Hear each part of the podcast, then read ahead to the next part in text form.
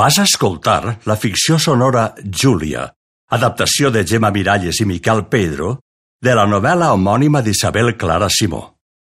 Un viatge a la revolució del petroli d'Alcoi, un moment històric en la nostra cultura. Capítol 10. Ara ho entenc. Lluís Montllor es repenjava a la cadira, vinclant-la enrere, i fumava els seus característics purets, prims i llargs, que obtenia de les Filipines. Vostè, Júlia, està mal informada. Lluís Montllor, amb això d'assessorar Júlia, venia a casa sovint i s'hi quedava a dinar. La senyora Dolors ja no amagava la rancúnia que sentia per aquella xica que s'estava menjant de mica en mica tota la seva influència en aquella família. Josepet havia parlat fins i tot amb el germà i l'àvia de posar alguna cosa al menjar. A Miquel, ella li havia dit que, tenint en compte com era, la millor manera de fer-se un futur era entrant al seminari. I el xic li va dir que no, gràcies. I va rumiar com poder fer-li mal a Júlia. Però molt mal informada. Vostè veu el món dividit en dos bàndols. En un la gent que estima i en l'altre la resta del món. Però les coses són complicades. Quan venia Lluís Montllorc, Miquel deia que anava a la fàbrica, però s'amagava rere les cortines per escoltar. Ja em contaràs si passa alguna cosa. La clau de tot, segons Miquelet, estava a enemistar-la amb son pare. I la millor manera era que Júlia fora infidel. De veritat o de mentida, això tant se valia. Vostè ha rebut en casa el cetrí mm -hmm. i ha fet amistat. Una dona com vostè. Només li puc perdonar per la ignorància. Ai, ja sé que sóc ignorant, sí, però l'instint em diu... L'instint no existeix. Les persones tenim un pensament. Vostè s'ha criat odiant pelletes. Però Pelletes era un senyoret que jugava a revolucionari, uh -huh. que li agradava l'aventura, el risc i les dones. Ai. si Pelletes haguera sigut més intel·ligent o menys sanguinari, ni el petroli haguera passat ni s'hagueren enfrontat mai amb els obrers. En això s'equivoca vostè, que sap tantes coses. Els anarquistes i els federals no s'haurien unit mai de la vida, ni ho faran. Que no tenen causes comunes. Contra l'Església, no? I una altra cosa, un estat central d'enemic. Però al remat ja ho veu. Van ser els anarquistes els qui van matar Pelletes, que era federal, i els qui van establir la comuna Alcoi. Deixes estar de romansos, Júlia. Això va ser una revolució d'estar per casa. No és veritat. I tant que ho és, per més que li dolga. Això no va ser una guerra entre federals i anarquistes, sinó el resultat de l'arrogància de Pelletes. Mm -hmm. La llibertat ell l'entenia com una cosa de senyors. Volia la llibertat, però que l'ordre no s'alterarà. Sí. I això és molt difícil. I més en un poble ple d'obrers que tenen el cul pelat d'organitzar-se quan els toca rebre. Mm, a mi això ja m'agrada, Lluís, sí.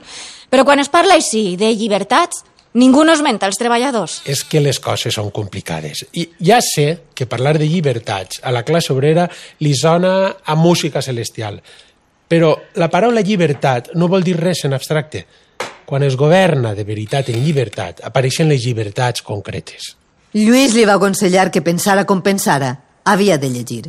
Quan se n'anava, li va agafar la mà i li va fer un llarg bes. Miquel, des de darrere de la cortina, s'ho va apuntar molt ben apuntat i va marxar corrents a fer conferència amb l'àvia. Amb Josep, les coses no havien canviat. Ell la mirava i recreava la vista. Però a Júlia, que havia sentit un sentiment de passió els primers mesos, no li feia ni fred ni calor. Ell al llit defallia i no es veia amb cor d'excitar-se. Em pesen els anys. Mon pare era més vell que jo i no parava. Però jo es veu que estic avesat. Júlia no sentia cap decepció, tot el contrari. Una besadeta, una amanyaga fugaç i pensava que tot estava dit. Amb ell en la intimitat es comportava d'una manera infantil perquè havia observat que això el feia feliç. Però al llarg del dia adquiria un rictus de duresa a la cara. La senyora Dolors, per la seva part, es tancava a la seva cambra gairebé tot el dia. Júlia era la mestressa absoluta. Però els dos fills i la sogra la miraven de cua d'ull i conspiraven. Un dia sopant, Júlia va començar a parlar de l'exposició de Barcelona i de les grans coses que s'hi preparaven. Podríem anar-hi tots, si voleu. Jo crec que com el pare té tanta faena i a nosaltres no se'ns hi ha perdut res, podríem anar-hi Júlia i Lluís Montllor. No li agradaria, Júlia? No sigues estrellatat. Però el xic té raó. Com que sempre esteu junts i sabeu tant de cultura, podria resultar-vos molt instructiu. Què voleu dir ara? Que m'entenc amb Lluís? Si fora així, seria una mala idea que ens n'anàrem els dos a Barcelona. Eixes coses es fan d'amagat. A veure, jo parlo en general, eh? Però tinc entès que la millor manera d'enganyar un marit és fer-ho les seues barbes. Ah, sí? Pau! Hem de viure sempre així? Qui sou vosaltres per a jutjar Júlia? Ni per a fer insinuacions de mal gust. Jo no he dit res, Josep. Però com que passen tantes hores xerrant quan tu ja te n'has anat i ell li fa unes besades a la mà... Josep va llançar el tovalló amb força sobre la taula i es va alçar i va eixir del menjador. Jo em pensava que qui ficaria la pota seria una pobra treballadora com jo. I es veu que no. El bon gust no és mama, sinó que es porta la sang o no es porta. Ens donaràs lliçons a nosaltres? Per què no? A estos dos, perquè per més lliçons que els he donat, no els han entrat al cap. I a vostè, perquè totes les coses que deia que em volia ensenyar, es veu que les ha preses. I ara em toca a mi donar classes. Sí, dona. Per exemple, em podries dir com es lliga el teixit quan es trenca el fil. No, senyora. Això ho sap millor que jo, Josep, que porta una fàbrica. I perquè ho sap, mengem este peix, vostè i jo. Llàstima que no tingués un hereu tan eixerit com tu per heretar-la. Llàstima que els fills d'esta casa o prenyen una qualsevol o no volen dones. La senyora Dolors es va alçar feta un basilisc i li va clavar una bufetada a Júlia. I Júlia li va agafar la mà pel canell i la va mirar amb els seus ulls foscos. Estava serena i parlava amb les dents juntes. Això que ha fet és un error. Primer, perquè jo sóc més forta que vostè i si em gira li faig una cara nova. Eh, eh, eh. Segon, perquè si ho sap Josep, la posa en la porta de casa.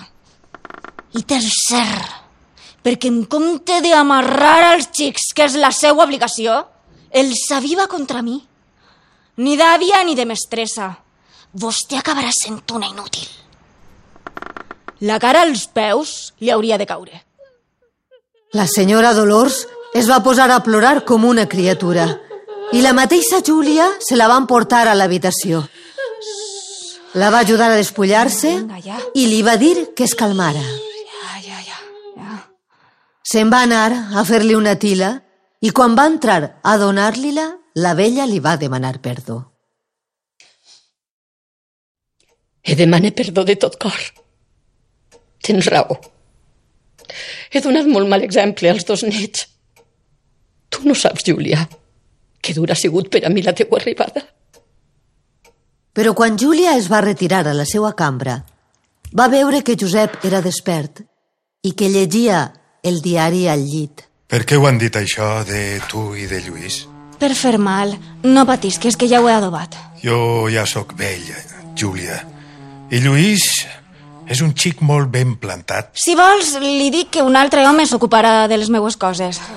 És que crec que tu no ets feliç. Josep, No seria estrany que algú, no dic Lluís, que és un amic i que vol molt a Anna, però li agraden tant les dones. ja t'han clavat la mania al cap, no? Això és el que volíem. Només faltaria que tu els feres cas. És que tu no... Jo no... No complisc com a marit. Què dius, home? Tu ets el millor marit del món. Tu tens poc més de 20 anys i la sang t'ha de bullir a les venes. I jo no em porte com hauria de fer-ho. No, que a mi això del llit no m'interessa massa. Abans de casar-me em pensava que no podria resistir que un home em tocara. Però no te'n recordes a València i a Barcelona i a Mallorca?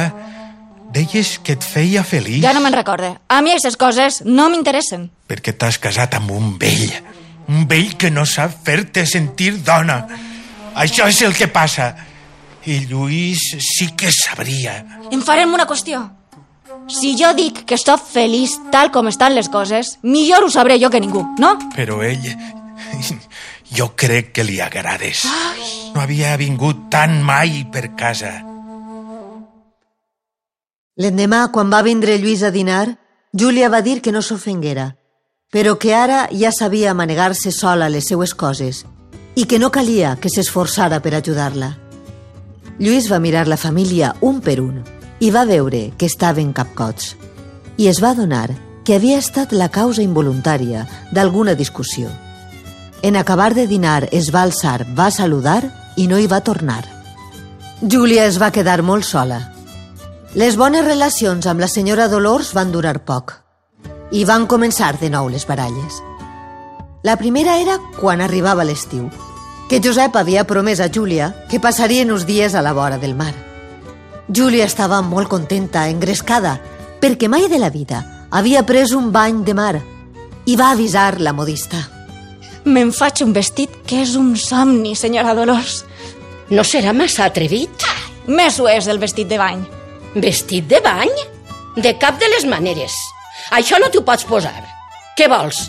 Que prenguen el Romeu per cupletistes? Totes les senyores se'n porten. Jo no en conec cap. Perquè és una ignorant que no llegeix res. Treballadora havies de ser. Beata havia de ser.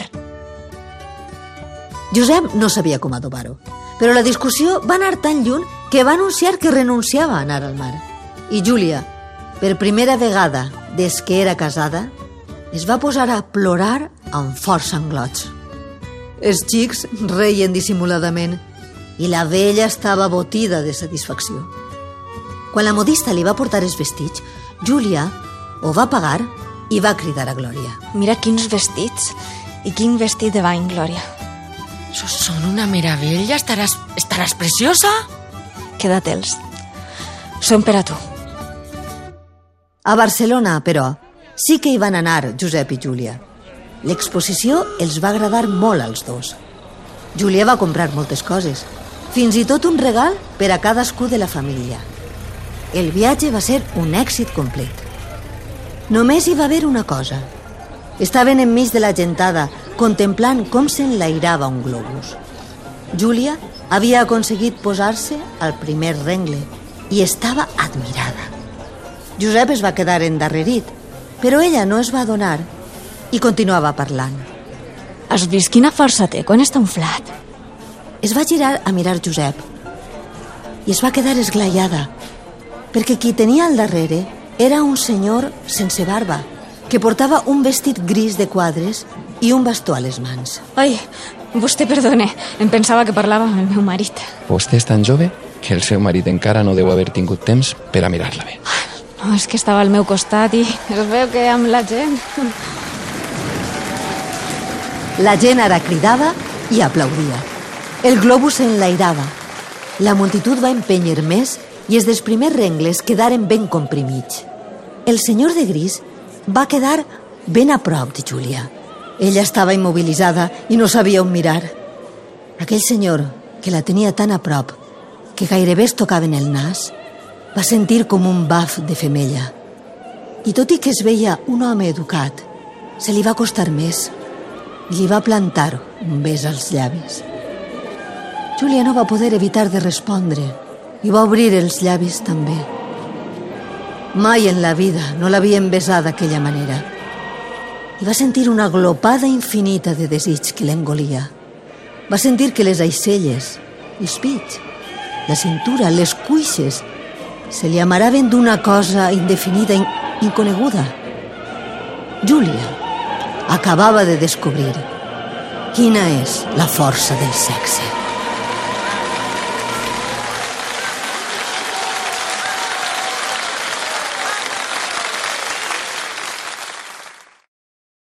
Has escoltat l'adaptació a radioteatre de la novel·la Júlia d'Isabel Clara Simó, una producció de la Dependent amb el suport de la Conselleria de Cultura i Esport, Ajuntament d'Alcoi, Acadèmia Valenciana de la Llengua, Unió Alcoiana Seguros, Ràdio Alcoi i A. Intèrprets principals. Pepa Miralles, Glòria Román, Juan Salloret, Pau Bercher i Pilar Martínez. Gravació de Luis Vélez i Gonçal Berenguer. Editat per Adrià Sempere i Luis Vélez amb música de Cofre Antic i Rafael Arnal.